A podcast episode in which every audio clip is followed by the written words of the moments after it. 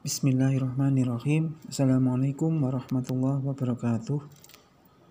Alhamdulillahirabbil alamin.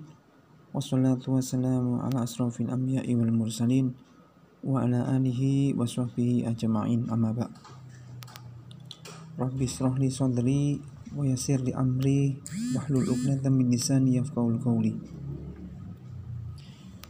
Pada kesempatan yang berbahagia ini pada puasa di hari ke 9 yang telah kita jalani. Saya mengucapkan syukur dan terima kasih yang banyak karena kita masih diberi nikmat kesehatan diberi nikmat kesempatan sehingga bisa mengisi kultum atau tausiah terkait dengan amalan-amalan di bulan Ramadan.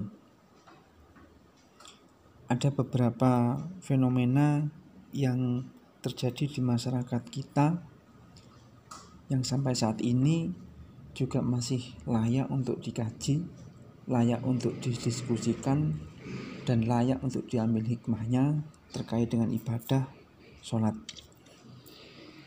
Ada beberapa fenomena, salah satu contohnya adalah fenomena sholat tarawih yang dilaksanakan dengan super cepat. Mengapa bisa saya sampaikan super cepat? Karena dilaksanakan dalam waktu yang sesingkat-singkatnya. Yang menarik untuk dikaji dan didiskusikan adalah terkait dengan membaca surat Al-Fatihahnya.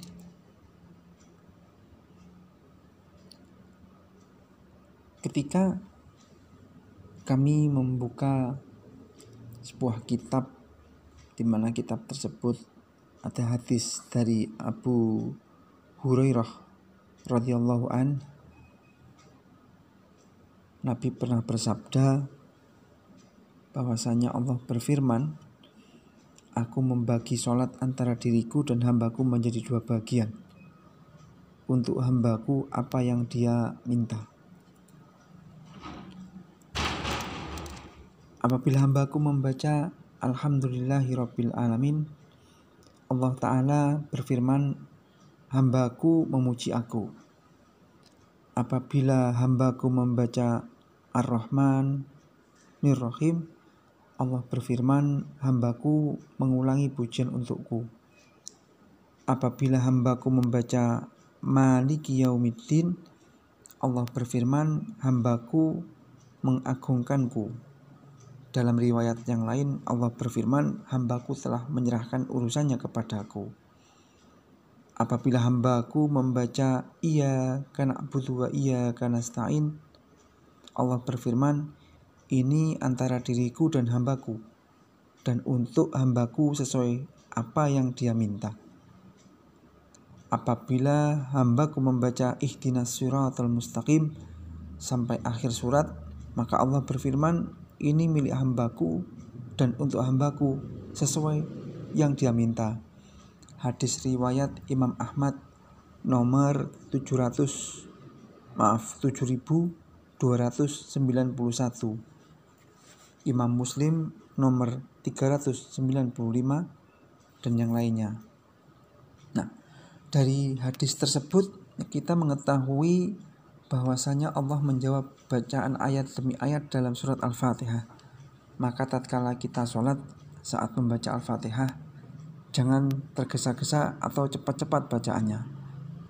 Setiap ayat harusnya kita resapi dan seakan menunggu jawaban Allah kepada kita.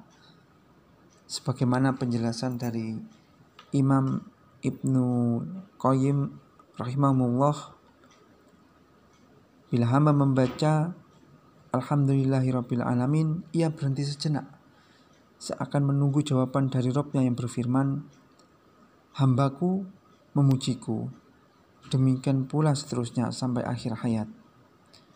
Sehingga jika ada orang-orang di masyarakat kita atau di tengah masyarakat kita yang melaksanakan sholat taraweh dengan cepat, dengan bacaan surat Al-Fatihahnya kurang sempurna, maka itu perlu dikoreksi, maka itu bisa menjadi renungan dan juga bisa menjadi pelajaran buat kita semua supaya saat nantinya kita membaca surat Al-Fatihah itu perlahan karena di situ ada dialog antara kita selaku hambanya dan juga Allah selaku Tuhan kita. Demikian yang dapat saya sampaikan. Semoga menjadi pencerahan buat saya pribadi dan juga bagi kita semua. Mudah-mudahan bisa diambil hikmahnya. Amin ya rabbal alamin. Terima kasih. Wassalamualaikum warahmatullahi wabarakatuh.